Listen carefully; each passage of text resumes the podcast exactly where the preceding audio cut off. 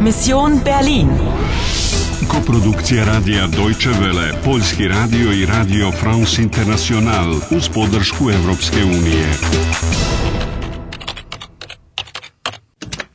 Misija Berlin, 9. novembar, 10.55 ujutru.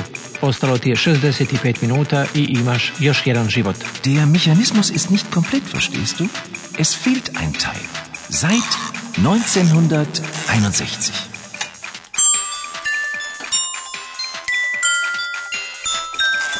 Hoće li ti muzika pomoći? Du musst zu Pastor Markus Kavalier. K-A-V-A-L-I-E-R.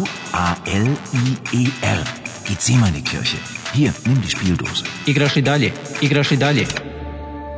Zdravo, spremna sam. Idi, potraži pastora. Ogromna crkva. Interesantna mješavina stilova.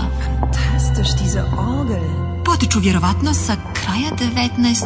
stoljeća. Ach, interessieren Sie sich auch für die Orgel? Ja, die Orgel. To je opet ona muzika. Ja, und diese Musik. Melancholisch, aber wunderschön. Ist das Johann Sebastian Bach? Nein, aber der Komponist ist ein Zeitgenosse von Bach. Er heißt Dachfeg. Dachfeg? Nie gehört. Friedrich August Dachfeg. Da, Dachweg, ich weiß. Oh, das ist aber ungewöhnlich. Ist die Orgel neu? Nein, aber sie ist restauriert. Leider fehlt ein kleines Element. Es ist verschwunden. Seit dem Mauerbau. Sehen Sie da oben das Loch rechts?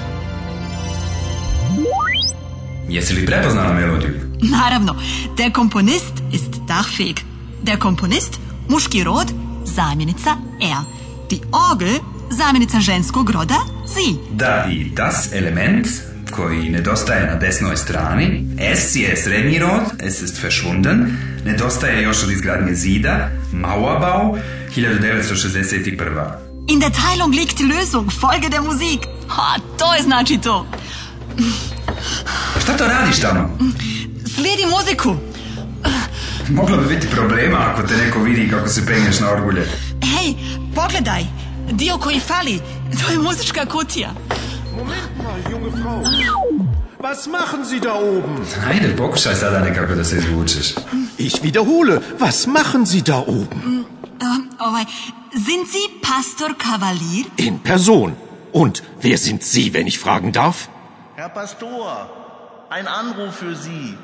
Die Charité. Äh, ich komme. Und Sie warten hier. Navit ću sad na muzičku kutiju pa da vidimo šta će se desiti.